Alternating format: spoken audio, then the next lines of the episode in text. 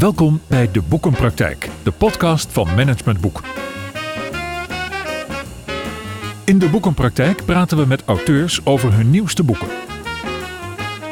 Boeken over organisatieontwikkeling, persoonlijke ontwikkeling en verandering. En altijd met een link naar de dagelijkse praktijk. Uw presentator is Willem van Leeuwen. Waarom schrijft een mens managementboeken en hoe verloopt zo'n schrijfproces enerzijds en tegen welke mogelijke dilemma's loop je als auteur aan anderzijds? In deze extra aflevering van de Boekenpraktijk gunnen we onszelf opnieuw een kijkje in de keuken van het schrijven van een managementboek. En dat doen we met gerenommeerd auteur Menno Lanting. Menno Lanting geldt als dé expert op het gebied van de impact van de snel veranderende wereld op leiderschap, op innovatie en hoe wij werken. Menno spreekt en schrijft natuurlijk over innovatie, technologie, disruptie, businessmodellen, organisatie 3.0 en leiderschap. Hij is auteur van vele boeken, waaronder Olietankers en Speedboten, Disruptie in de overheid, Hoe word ik een speedboot, Iedereen CEO, Connect en het transformatiemoeras. De rode draad in het werk van Menno is aanpassingsvermogen. Hij adviseert ook organisaties hoe ze aangesloten kunnen blijven bij de veranderende wereld. Hij werkt met directies en raden van bestuur op het gebied van digitaal leiderschap, connectivity, strategie en business innovatie. En daarnaast is hij ook nog eens actief als gastdocent, spreker en ondernemer. Maar natuurlijk is hij ook vader, dus ik spreek met Menno ook over zijn vaderschap. En ik spreek met hem over wat is nou zijn fascinatie voor die digitale transformatie. En natuurlijk spreek ik met hem over hoe verloopt zijn schrijfproces en door wie laat hij zich inspireren? En wat maakt dat hij zo productief is als schrijver? En als je deze aflevering gaat beluisteren, dan krijg je ook te horen waarom we volgens hem de biografie van Mao moeten lezen. En, een scoop, waarom zijn volgende boek een geschiedenisboek is. Heb je nog tijd voor je kinderen, zou ik bijna willen zeggen. Maar... Ja, die komen wel op één. Ja. Dus dat, uh, ja. Je dochter zou meekomen, maar die, uh, nee, die zag er vanaf. Ah, de iPad ging voor. Ja, ja, ik snap het. Ik begin gewoon even met een paar dilemma's. Uh, mag, moet, moet je dus even kiezen. Schrijven of spreken? Spreken. hey, digitale transformatie. Een zegen voor de mensheid of een ramp? Een zegen. Ik denk wel twijfel te zien, maar daar komen we, zo, komen we zo meteen natuurlijk wel op. De mens kent een groot aanpassingsvermogen of de mens is nauwelijks veranderbaar? De mens is nauwelijks veranderbaar. Uh, schrijven of spreken? Je koos voor spreken. Wat, waarom is spreken meer jouw ding? Ja, daar krijg ik toch het meeste energie van. Ja, ja. ja. Is dat de interactie? Het is nou, het is, het is wel interactie, ook al kan dat heel non-verbaal zijn. Hè? Mhm. Spreken leidt niet altijd tot enorme dialoog. Hè? Ja. Ehm, en ik vind schrijven is voor mij het eindproces van een veel langere reis. Oh, ben ik wel nieuwsgierig naar die reis, maar daar komen we natuurlijk zo meteen nog even op. Want je hebt een hele mooie quote in, in je boeken staan. The skill of writing is to create a context in which other people can think. Van Edwin Schlossberg, Amerikaans schrijver, ontwerper en kunstenaar. Wat spreek je zo aan in die quote? Ja, dat, dat, die neem ik in elk boek neem ik die op. En, en, elke keer is dat ook weer de leidraad. Mm is van, ik lever geen antwoorden. Nee. Ik verzin het ook niet allemaal zelf. Ja. Hè, maar je, je geeft letterlijk een soort, ja, een soort vorm aan gedachten. Ja. ja, en dan moet de lezer moet daar iets mee. Ik, ik ga daar niks mee doen. Nee, het is dus, eigenlijk het, het, stimuleren van een creatieproces bij de lezer of zo. Ja, en ik vind het ook wel een vorm van nederigheid. Ja. Dat je, dat je niet denkt van nou hier, huppakee, hier heb je tien tips en dan gaat het morgen anders. Ja.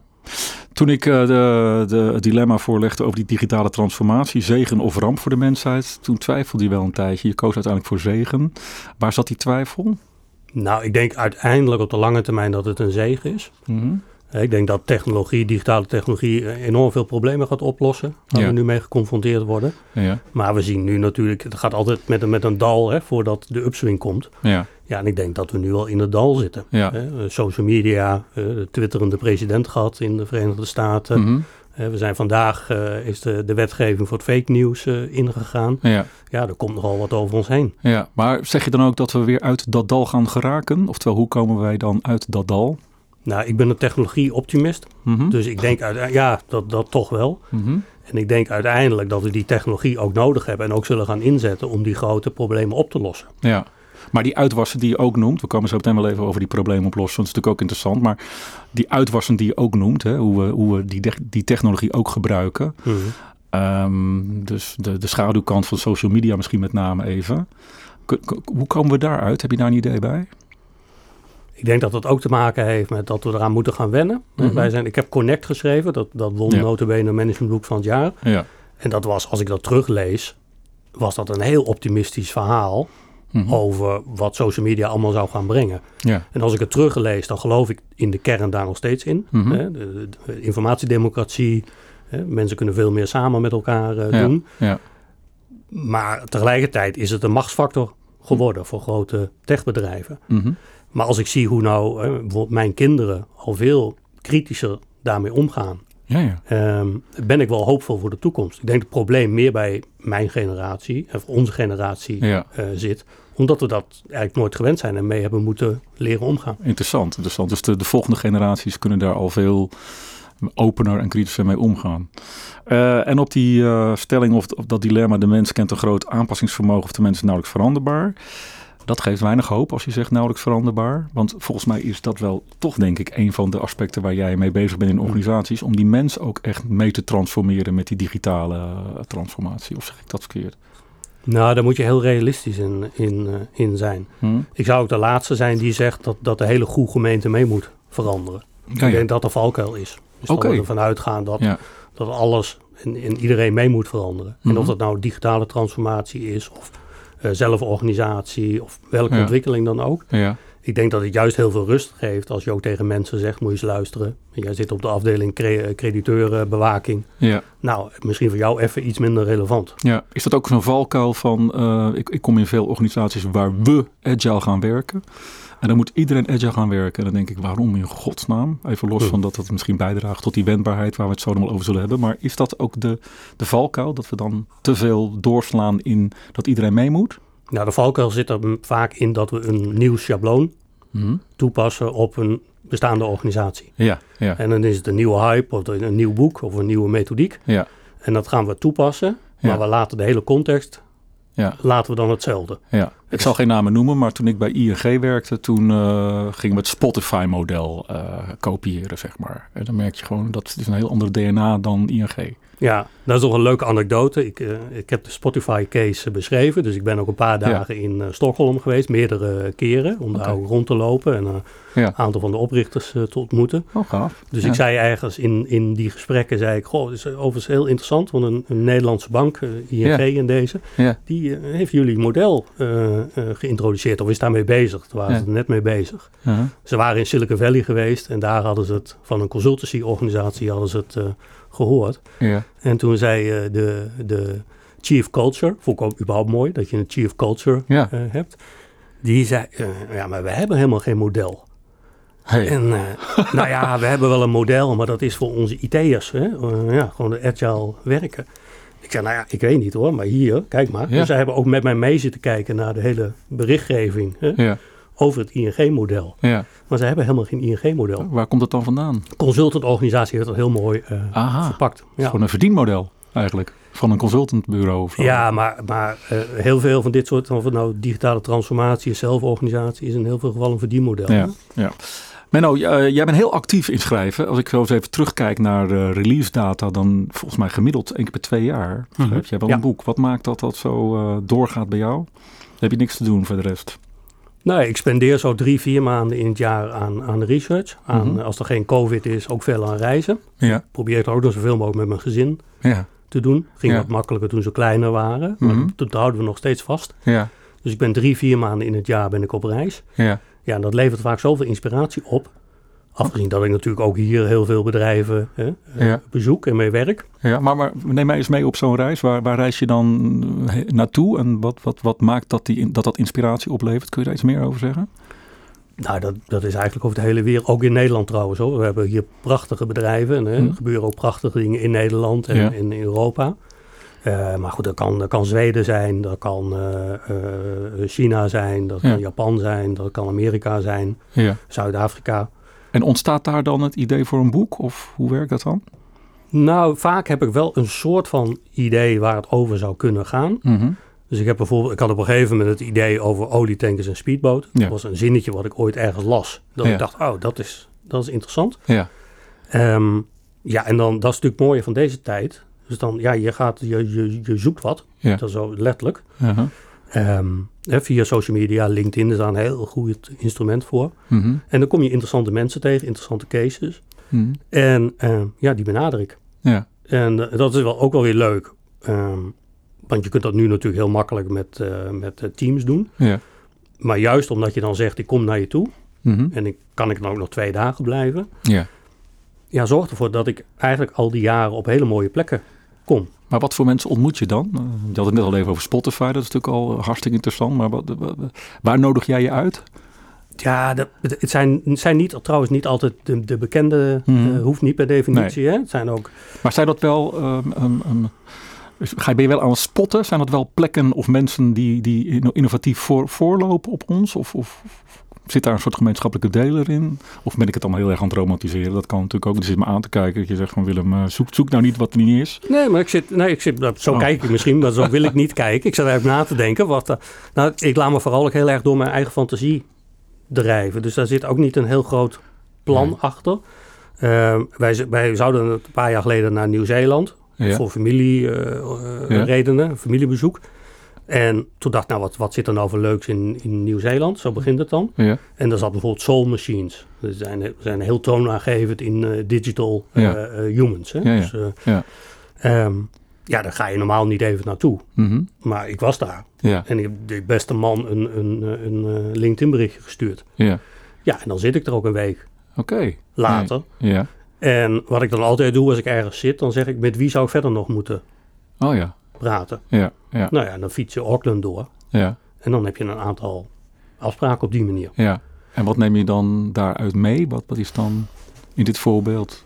Dat Je zegt Ehm, nou, het gekke is dat het. ehm, ik heb wel eens dat ik afspraken maak dat ik denk, nou, dit is geweldig. Hè, Mhm. Dus ik, ben- ik ben ook eens bij de NASA geweest. Dan denk je, nou, dat is, hè, daar, daar, dat is Ja. fantastisch. ja.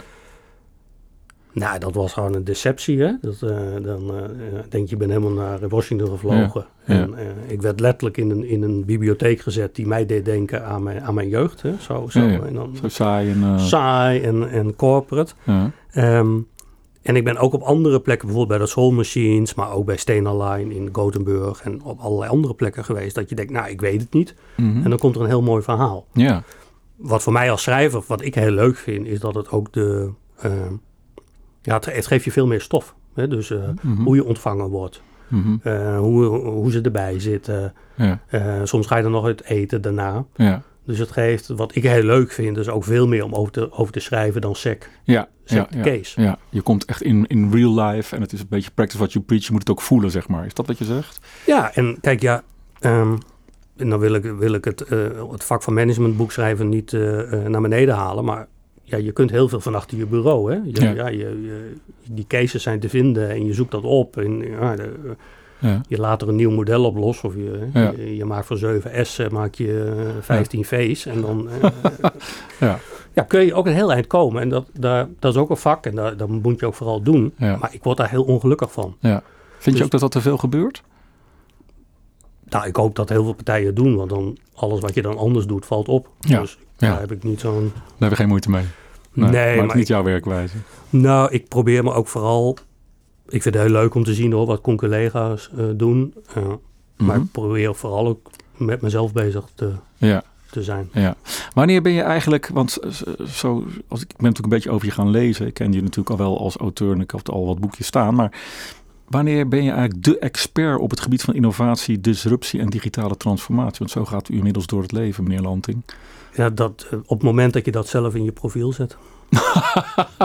Oké, zo plat is het eigenlijk gewoon. Ja, ik kan het heel mooi maken. Maar Ja, Ik heb dat zelf ooit een keer opgeschreven. ja, ja. En jij herhaalt het. En, en met jouw andere Ja, mensen. mooi. Ja. zo werkt het eigenlijk gewoon. Ja. Nou ja, ja. Ja, maar betekent dat ook dat, eh, het, ik kan me ook voorstellen dat, het, aan de ene kant is dat heel erg lekker natuurlijk, Eh, je, je bent de expert, maar aan de andere kant framet het ook ontzettend misschien. Kan je nu ook nog een boekje over een ander thema schrijven, zeg maar? Of, Nou ja, ik, dat, dat kan ik, omdat ik dat zelf natuurlijk bepaal. Ja. En de facto, ik ben nu met een geschiedenisboek bezig. oh, Ja.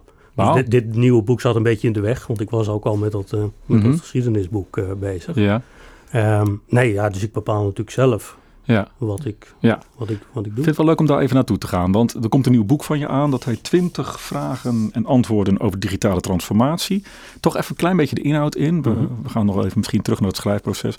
Wat is, wat, eh, want het woord transformatie wordt best wel veel gebruikt overal. Wat is voor jou een digitale transformatie? Want jij maakt ook onderscheid tussen digitale optimalisatie, las ik ergens, en digitale transformatie. Ja. Wat is de kern van digitale transformatie? Nou ja, dan moet ik eigenlijk toch het hele rijtje doen, want dat Ja. geeft wel inzicht in wat het is. Ehm, en ik heb het ook maar zo simpel gemaakt, omdat ik het daardoor zelf eh, in ieder geval begreep. Is digitale reparatie is iets fixen, digitaal, wat al lang gedaan had moeten worden. Ja, Ja, dus je, doet het, achterstallig onderhoud. je doet het nog op papier, het is in Excel veel makkelijker. Ja. En dan naar de cloud, want dat is nog makkelijker. Mm, maar dat is, ja. dat is reparatie. Ja.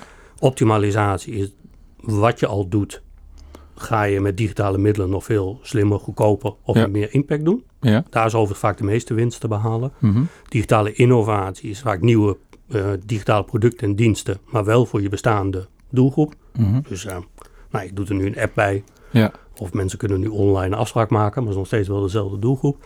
Een digitale transformatie is eigenlijk eh, nieuwe producten en diensten voor een doelgroep die je nog niet bedient, die een enorme impact heeft op je hele ja, ja. ja. Nou, zo heb ik het. Daar komen alle, alle eh, elementen komen erbij. Dat gaat dus ook over werving. Wat voor mensen werf je? Met hoeveel mensen ga je eigenlijk überhaupt nog werken? Het heeft desastreus, nee, dat zeg ik heel negatief. Het heeft impactvolle eh, effecten op, op je hele organisatie. Ja, en, en vaak ook wel negatieve, desastreuze ja. effecten kan het hebben. Ja, en, en dat, dat, dat geef jij ook mee aan, aan, aan CEO's en aan directies in jouw advisering. Van eh, let wel, dit betekent wel dit en dat voor je organisatie.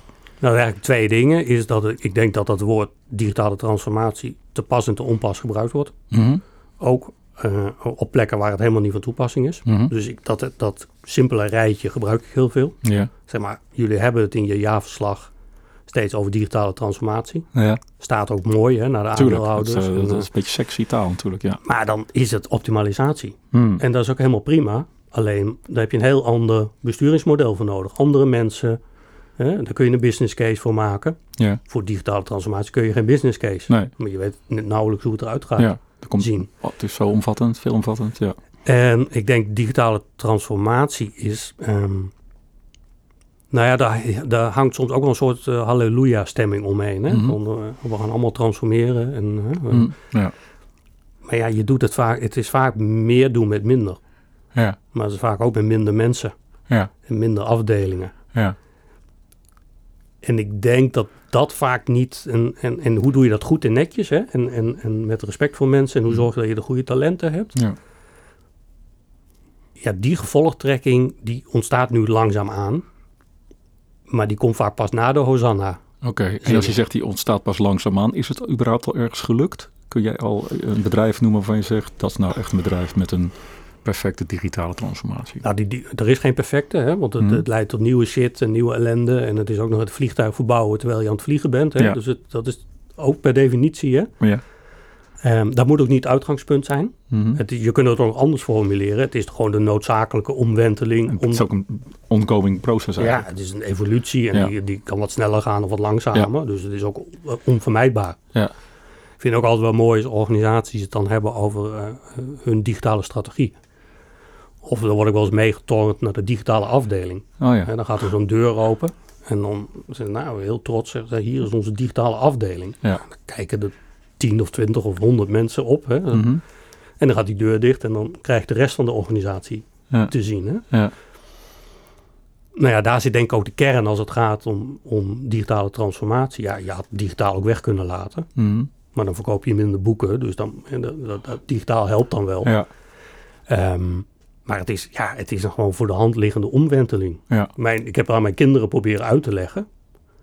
Eigenlijk zijn we allemaal digitaal aan het transformeren. Ja, maar die zijn het al. Dus die, Ja. die, die kijken ernaar en zeggen ja, dat, Ja, eh, boeien. Ja, boeien. Ja. Wel? Ja. Nou heb jij eh, in 2021 het boek geschreven uit het transformatiemoeras. Moeras, moet ik wel goed zeggen. En dan benoem, benoem je de vijf belangrijkste faalfactoren. Wat maakt dan dat je dan nu alsnog met een boek komt over eh, twintig vragen en antwoorden over hetzelfde thema? Ja, nou, ik ben uit, uit dat transformatiemoeras, daar heb ik met heel veel plezier aan gewerkt. Dat Mhm. is ook echt eh, een, een behoorlijk eh, boek geworden. Ja. Daar ben ik ook echt trots op. Ik ben op alle boeken trots, maar Mhm. daar, die stijgt er wel voor mij ook bovenuit. Waarom? Nou, omdat ik daar echt... eh, eh, nou, het is sowieso al die faalfactoren. hè. Het is natuurlijk makkelijker om, om te kiezen voor de succesfactoren. Ja. ja. Ehm, dus het is ook een beetje... Ik hou ook wel een beetje van tegenboeken. Mhm. Hè? Dus eh olietank is een speedboot, is dat, is dat Ja, natuurlijk ook ja, eh, al. ja. Disruptieparadox eh, nog wat meer. Niet hè. alleen maar de zonneschijn, maar ook de schaduwkant. Even. Ja, ja. dat is misschien toch een beetje mijn achterhoekse roots. Hè, van, Oké. eh, Ja. Ehm, maar ik merkte wel, dat werd heel goed ontvangen, maar ook vooral wel op strategisch niveau. En dat is heel goed, hè, want daar, daar doe, na spreken doe ik eigenlijk ook heel veel adviseren. Hè. Dat is eigenlijk mijn, mijn derde tak. Maar ik dacht toen wel, ja, je hebt nog veel meer mensen in de organisatie Mhm. die daar ook door geraakt worden. ja. En die misschien niet 280 pagina's met 500 bronnen Nee. eh, boek gaan doorakkeren. Ja. Dus toen dacht ik, ja, zou je dat in wat meer toegankelijker, hè, Ja. nog steeds wel op niveau, maar wel op toegankelijke manier. Eh, en toen dacht ik zelf, ik heb wel eens af en toe van die boeken gezien met inderdaad vragen en antwoorden. Ja. Ik denk dat is mooi, want dan kun je een beetje, naar gelang je vraag, kun je er doorheen. Frequently asked questions, wat is mijn vraag? Ja. Nou precies, dat past natuurlijk ook een beetje in die internethoek. Ja. En ik dacht, ja, dan hoef je niet dat hele, die hele aanloop door, wat Mhm. ik leuk vind Ja. als lezer, maar heel veel Ja. eh, mensen zelfs uit mijn vriendenkring, ja, die, die hebben dat minder. Mhm. Ehm, ik vond, en ik dacht, dat is ook wel weer een leuke uitdaging voor mezelf. Want dan moet ik het toch wat toegankelijker schrijven. Ja. Ehm, ja, en ik heb best wel onderhand natuurlijk een groot netwerk. Dus ik denk dat is heel mooi om die vragen niet alleen zelf te beantwoorden. Ja. Maar ook de andere mensen uit de praktijk Ja. ehm, een antwoord op te laten geven. Ehm, tot slot, voor wat betreft het thema digitale transformatie, denk ik. ehm, ik had het al even over agile werken. Veel organisaties hebben dan in hun strategie toch termen als wendbaar en zelforganiserend. En dat is dan ook wel de kern natuurlijk waar het uiteindelijk naartoe moet. Mogelijk. Eh, en dan gaan we agile werken of we gaan lean werken of we combineren het een beetje. En we gaan scrummen en kanban. Nou, we halen alle processen en, en tools erbij. Ehm, kun je voor mij eens even de schaduwkant benoemen van, van wat daar nou niet, niet, niet goed genoeg in gaat? Want ik zie zoveel organisaties, maar misschien, ik heb geen achterhoekse roots. Maar misschien kom ik ook in de verkeerde organisaties, maar waar het dan nog niet helemaal lukt of helemaal niet lukt. Waar zit hem dat dan in? Nou, je vroeg, de, de- die vraag heb ik eigenlijk nog niet eens beantwoord. Je vroeg, wat is nou eigenlijk een voorbeeld hè, waar, dat, eh, Ja. waar dat slaagt? En dat is eigenlijk heel raar, want ik, ik noem nou heel vaak Philips. Hm? En terwijl die het nu natuurlijk moeilijk hebben. Ehm, maar ik vind dat wel in Nederland een voorbeeld van in ieder geval van een, van een grote organisatie. Die, ehm, die hun, hun hele organisatie, inclusief hun businessmodel, ja, 90 graden voor eh, gedraaid hebben. hè. is. En waar, en waar, eh, laat het dan positief benaderen. Ik vroeg waar, waarom het dan niet lukt, maar waarom lukt het daar dan wel? Ehm, omdat daar een, een drive zit vanuit de top. Ja. En ik, daar kom ik elke keer wel op terug. En dat, dat staat natuurlijk wat haaks op die zelforganisatie. Hè? Ja, Dus vaak is ook die zelforganisatie is ook vaak, toch vaak, maar regelmatig een brevet van onvermogen. Mhm. Dus als ik, als ik zelf vanuit de top geen visie heb, Mhm. Ja, dan, dan laat ik anderen dat maar bedenken. ja. En dan krijg je duizend bloemen bloeien. Hè? Ja, Dus we krijgen ja. allerlei initiatieven en het gaat alle kanten op, maar er zit geen Zit lijn geen- in. Nee. En ik denk ook dat, dat, dat heel vaak die, die, al die methodieken, dat dat toch een soort van, van schijnbeweging is. Ja. Is dat ook niet eh, bijna verbonden aan de te- term zelforganisatie, dat het in veel organisaties wordt opgevat als, oh, dat is iets van teams. Dus het moet daar op dat middenniveau worden, op dat operationele niveau worden uitgevochten. Dus we maken lekker zelforganiserende of zelfsturende teams. En de leiding blijft gewoon doen wat hij deed. Nou, dat is natuurlijk ook, maar dat was al bij het nieuwe werken. Dat, eh, en dat heet dan nu eh, hybride werken. Maar dat, eh, was dan 15 jaar geleden was het nieuwe Ja, werken. En dan kwam je ook in, in, in grote, maar ook kleinere organisaties. En dan ging je naar de negende verdieping. ja, En dan zat de boord zat daar nog te doen eh, wat ze altijd deden in dezelfde kamers. Hè? En dan Ja. ging, ging je praten over eh, het nieuwe werken of de zelforganisatie van de medewerkers. Als ik met directies werk en, en we, doen, we gaan bezig met zelforganisatie. ehm, dat is ook altijd mijn, mijn favoriete moment waarbij ik dan eh, voorstel. Hè, dan hebben we de, de hele gedoe hebben gehad. En, Ja. en dan is men aan de gang. En mijn favoriete moment is dan altijd om dan ook voor te stellen dat we de directiefuncties gaan opheffen. Ja. Want ja, je hebt toch geen afdeling meer. Dus waarom zou je nog een directeur strategie hebben en een directeur marketing? ja. En ik zeg, kunnen we daar niet senior principal van maken of iets? Hè? aha. En dat is altijd wel het moment dat de echte discussie begint. Ja, ik kan me voorstellen. Kom je Ja. dan niet te dichtbij? Dat mensen denken, nu word je lastig, meneer Ja. Lanting. Ja. Natuurlijk. Ja. En Dus dan is het nog steeds dat je, dat je wel ergens, hè, je hebt wel ergens de bel horen luiden. hè. Mhm. Eh, je weet toch toch nog niet precies waar de klepel hangt. Ja, ja. En ik denk dat we waarschijnlijk ook wel een nieuwe generatie nodig hebben. Je ziet nu ook de, de veertigers binnenkomen, hè? ook bij grote Ja. corporates, hè? bij Ja. Albert Heijn en nog een aantal andere plekken. Ook op strategische posities bedoel Ja, ook, ook. En vrouwen ook. Ik denk dat ook heel goed is. Ehm, en dat je nu, ja, dan is het niet alleen een methodiek omarmen. Maar Mhm. dat zijn ook mensen die, die, die heel doorvrocht en niet alleen, maar met een, met een club mensen natuurlijk nadenken over wat voor, wat voor bedrijf willen wij zijn in dit digitale tijdperk. Ja. En dat is denk ik veel meer de vraag. Ja, Ja, en welke methodiek, dat maakt me dan niet zo heel veel uit. nee. Maar heel vaak is het, hup, we moeten iets, hup, methodiek. Ja. Ja, en met, met agile coaches erbij en, en agile inspiratie. Ik las volgens mij een voorbeeldje van, was dat DSM Mm, in jouw nieuwste boek? Eh, die dan inderdaad zeggen niet, we gaan niet agile kopiëren, maar we gaan kijken wat we, welke organisatie wij willen zijn en wat daar misschien bij past. Ja. Dus eigenlijk de omgekeerde beweging. Dat is de om, ja, wat voor je het weet, eh, ga je het Spotify, eh, Ja. Spotify-model omarmen. Wat geen er niet model is. is. Ja, Ja. daar had je misschien ook zelf achter kunnen komen, toch? Ja. En dat vind ik dan wel interessant, want ik zou dan denken, en niet dat ik het nu beter wil weten dan ING, want ik ken die case ook en er gebeuren echt hele goede dingen. Mhm. Maar je zou dan denken, als je zo'n model gaat omarmen, dan ga je naar de bron. ja, Maar schijnbaar is er nog niemand naar de bron geweest. nee, En dan hadden ze bij de bron waarschijnlijk gezegd. Ja. Zoals ze tegen mij zei, ja, dat model werkt voor ons. Ja. Maar dan moet je niet zomaar kopiëren. Daar gaat het Ja. nergens over. Je had het ook over een geschiedenisboek. We gaan even switchen nu. Nou, voordat we naar het geschiedenisboek gaan, wat ik interessant vind natuurlijk. Je doet advieswerk. Je zei al, je, zit bij, je schuift aan bij directies, waar je af en toe ook dit soort minder populaire boodschappen moet verkopen misschien. Je reist, ook vanuit gewoon eh, je vrije tijd, maar ook wel om inspiratie op te doen. Je schrijft boeken, je, je bent een, een gerenommeerd spreker. Als ik gewoon even zo'n week, niet deze week, want ik kan me voorstellen dat het misschien nog een beetje vakantieperiode is, maar als ik zo'n week Menno Lanting meereis, hoe ziet dat er dan ongeveer uit? Hoe, hoe verdeel jij je tijd daar een beetje tussen? Want ik heb altijd begrepen van al die gerenommeerde schrijvers, dat, dat kost maanden, Willem. Dan moet je je opsluiten, tien uur, in een kamertje, liefst zoldertje, zonder eh, dat je naar buiten kan kijken. En dan ga je schrijven. Hoe zit dat bij jou dan? Nou ja, voor dat, dat, dat schrijven is het, is het noodzakelijk kwaad, hè? zeg ik maar even. De- de- de- ik heb dat nooit leuk gevonden. Hm. Het doet me altijd denken eh, aan mijn eindscriptie. Ja. En, dan, en niet in positieve zin. Een soort moedje. Een moedje. Ik moet zeggen dat ik nu...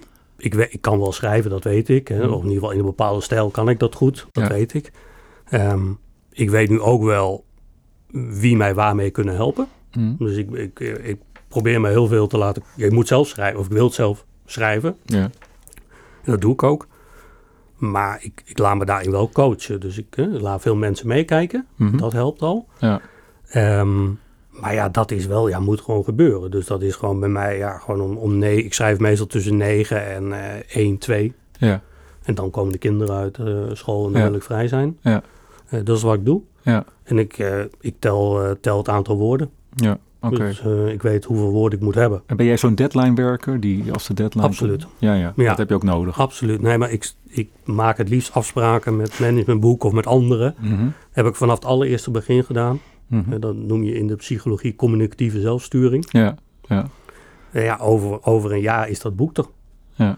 Ja, en dan ja, vind ik het wel heel knullig om te moeten gaan zeggen... ja, dit is er niet en het Ja. werkt niet. Geen tijd gehad. Ja. Ja, en ik weet onderhand wel een beetje hoe het werkt. Eh, dus dat schrijven, nou ja, dat is alles eh, drie tot zes maanden zo'n beetje.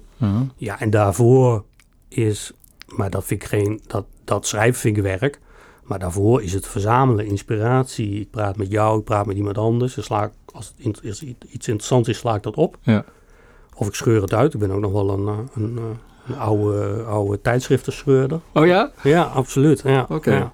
En dan... eh, De digitale expert die scheurt tijdschriften en schrijfboeken. ja, maar goed, ik zet het ook in Evernote of eh, andere dingetjes. Ja, maar ik, scheur het eh, ook, ja. Ja. Ehm, en ik heb allemaal mapjes over allerlei thema's. En Ja. als het mapje een bepaalde omvang heeft, of mijn online mapje heeft een bepaalde omvang, Mhm. dan denk ik, daar zit misschien wel iets in. Oh, ja.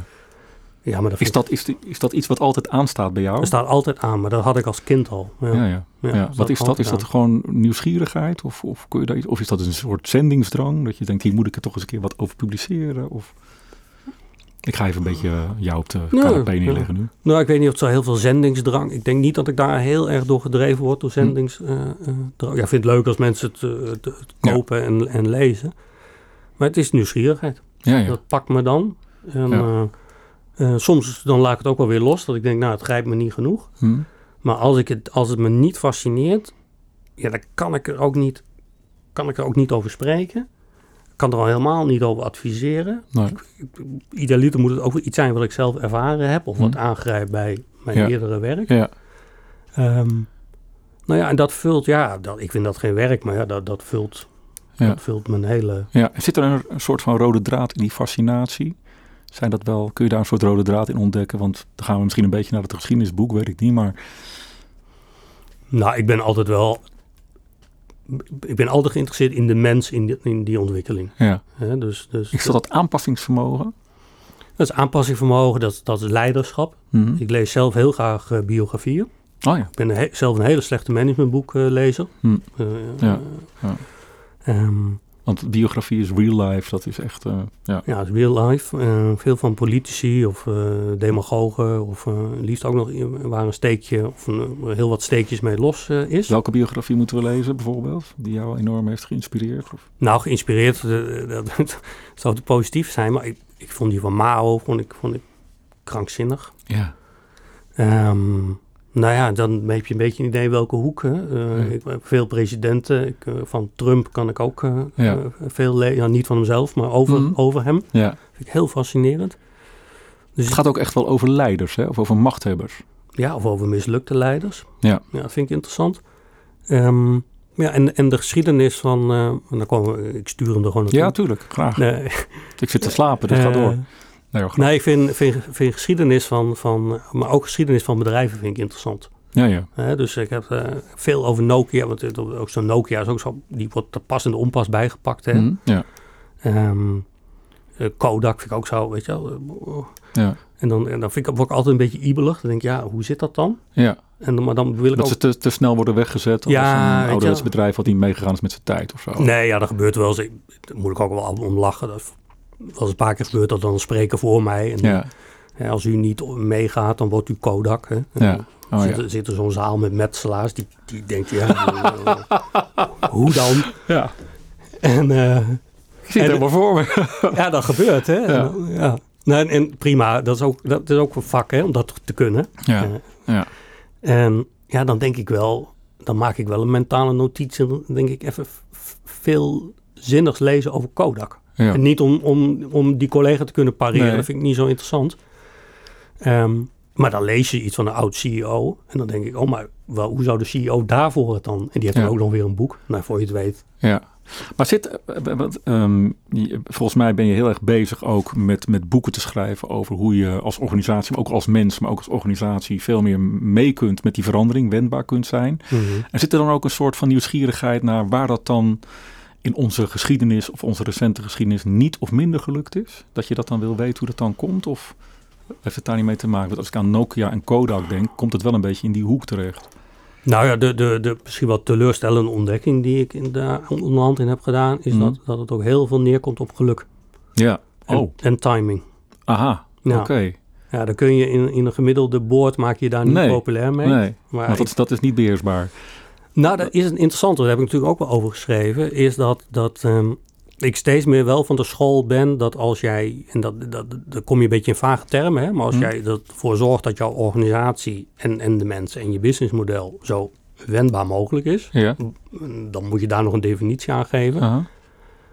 Dan maakt het minder uit wat er vanuit de externe wereld op je afkomt, Hm. maar dan kun je daar veel makkelijker op Reageren. acteren. Ja, Ehm, en dat is iets anders dan proberen die verandering te voorspellen.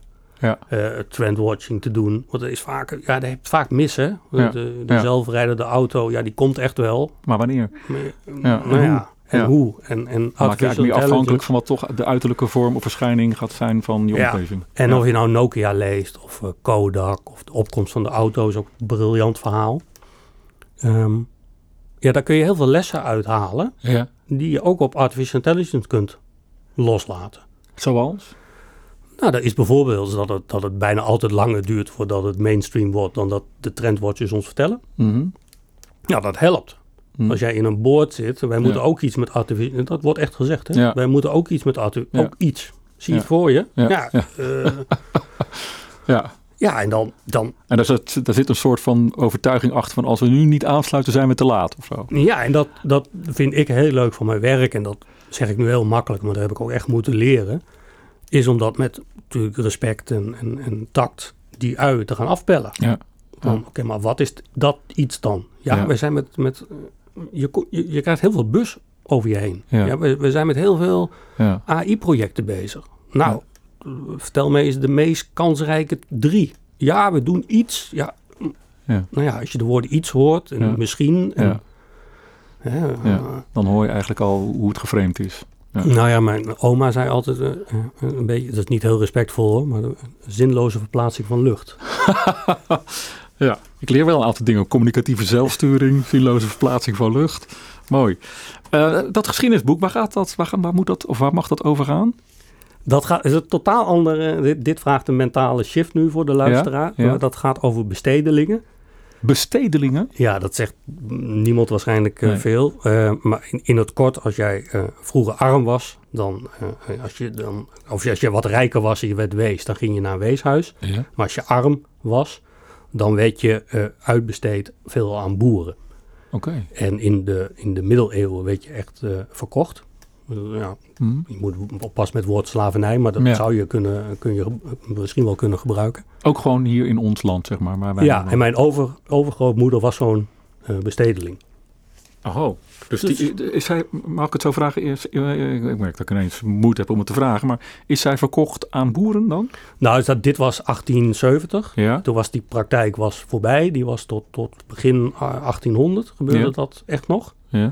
Dus aan de, eh, aan de, de laagste bido, zo moet je dat zien. Hè? Dus je, je, Echt een veiling of zo? nou, dat was een veiling. Ja. Ja, dus dat is een, ja, wat onder, denk ik, onderbelicht eh, gebeuren in onze Ja. collectieve geschiedenis. En, en een stukje uit mijn privégeschiedenis. Ja, ja en, en ehm, dat boek gaat dan over bestedelingen. Ja. Ik ken dat woord helemaal niet Nee. daarvoor. En wat wil jij? Wil je dat, dat thema vooral eh, wat meer in het licht gaan zetten? Van dit is ook een onderdeel van onze geschiedenis? Of wat is? Nou, ik wou, ik wou vooral eh, überhaupt een keer een geschiedenisboek schrijven. Mhm. En eh, nou ja, het is ook een persoonlijk thema. Ja, En nou ja, inderdaad, ik denk dat het, als je het gaat onderzoeken, hebben heel veel mensen in de familie eh, iemand die dat overkomen is. ja, En ik heb daar niet een enorm grote gedachte bij. Nee. Maar ik dacht geschiedenisboek schrijven, persoonlijk. Nou, en als ik dan ook nog eens een leuke bestseller kan schrijven ja. in Oh ja. dat veld, lijkt me ook nog wel aardig. Ik vind, zo, ja, ik vind het echt hartstikke leuk, maar ook wel boeiend dat iemand die eh, bekend staat om zijn transformatie, dus met toekomst, innovatie, digitale transformatie, heel graag een geschiedenisboek wil schrijven. Dus eigenlijk weer even terug naar het verleden. Dat vind ik wel leuk. Ja, maar ik denk dat het, als, als, ik doe heel veel, of heel veel, ik doe redelijk veel ook met jonge mensen die willen meelopen of stage lopen. En probeer ik zoveel mogelijk, Hm. zo, zover dat lukt in mijn eenmansbedrijf, probeer ik die op sleeptouw te nemen. En ik ben nooit zo van de tips, maar ik zeg altijd wel zoiets van, joh, wil je in dit vak wat kunnen vertellen over hoe het in de toekomst uit gaat zien? Zorg dat je veel over het verleden Ja, weet. ja. Wanneer moet dat eh, boek over de bestedelingen er zijn? Is dat Volgend jaar. Oké, oké. En ehm, dat gaat een beetje naar een afronding, maar ik zit even te denken hoe ik dat ga doen. Ja, dat is toch al wat dit, hè? ja, ja. ja, het is zoveel. Maar dat vind ik ook zo interessant aan je. Ja, wanneer is, is, is er ook een moment dat je, bedoel, wanneer is het klaar? Of, of kun je dat helemaal niet stellen? Al, wanneer is jouw missie volbracht als schrijver en spreker? Of, of Nou, ik, ik, ik heb niet echt een missie. Met, ik doe het vooral omdat ik, dat ik het zelf leuk vind. ja, En natuurlijk, dat, ik vind het leuk dat het een impact heeft. Hè? Dus als, als Ja. dan niemand het koopt, dan, dan, dan Ja. was ik misschien iets anders. eh. nou, dat weet ik niet, want ik zou het altijd blijven doen. En misschien niet als werk. Dus wanneer is mijn missie geslaagd? Ik, eh, nee. nee, ik, eh, ik, eh, ik eh, hoop dat ik het doe tot de dag dat ik er niet meer ben. Ja, ja, ja, ja. En ja, voegt het ook nog iets toe aan, aan je eigen leven, zeg maar, qua kwaliteit? Wat schrijven van boeken en dat, dat delen. Hè? Want je had het net ook even, dat blijft nu alweer in mijn hoofd hangen. Van oh, het zou ook heel leuk zijn als het een keer een bestseller wordt. Schreef je over, de, of zei je over dat geschiedenisboek. Is er ook iets van, ik zou wel op een bepaalde manier daar, dat het meer ook op mij terugstraalt of zo? Of, Nou, ik ben een gezegend mens, want ik, ik, eh, ja, ik, ik, ik kan reizen. En, Ja. en dat is het belangrijkste. Hè? Ja. Dus ik, dat, mensen die mij een beetje volgen, die weten dat. Ik heb, toen de kinderen werden geboren, heb ik een, een raad van commissarissen samengesteld. Met mijn twee dochters en mijn vrouw als uh, leden van de raad van commissarissen. Um, en uh, dus ik ben dan de CEO van mijn. Uh, staat, ook, staat ook op mijn uh, LinkedIn profiel, okay. my, my, Own Company. Ja, ja. Dat staat nergens, maar dat. Ja. Dus ik krijg ook wel eens brieven. Ik word ook zelfs wel eens aangekondigd als de CEO van My Own Company. Zien de mensen de hilariteit er net niet van. En, en toen heb ik, toen heb ik een soort dingetje geschreven van een soort mission statement. Hè, als je bedrijf hebt. Dus ik, ik doe dit ten dienste van mijn raad van commissarissen. Ja. Dus we hebben ook, uh, zeker toen ze klein waren, hadden wij uh, aandeelhoudersoverleg elk, uh, elk jaar. Maar ook tussendoor overleg en dividenduitkering okay. deed ik dan. Ja. En, Vroeger heette dat zakgeld. Ja, nou, deze dividend was vaak nog wel wat rianter. In, ja. in reizen dan deed, deed ik dat. En toen dacht ik, ja, dat, dat, dat heb ik eigenlijk altijd vastgehouden.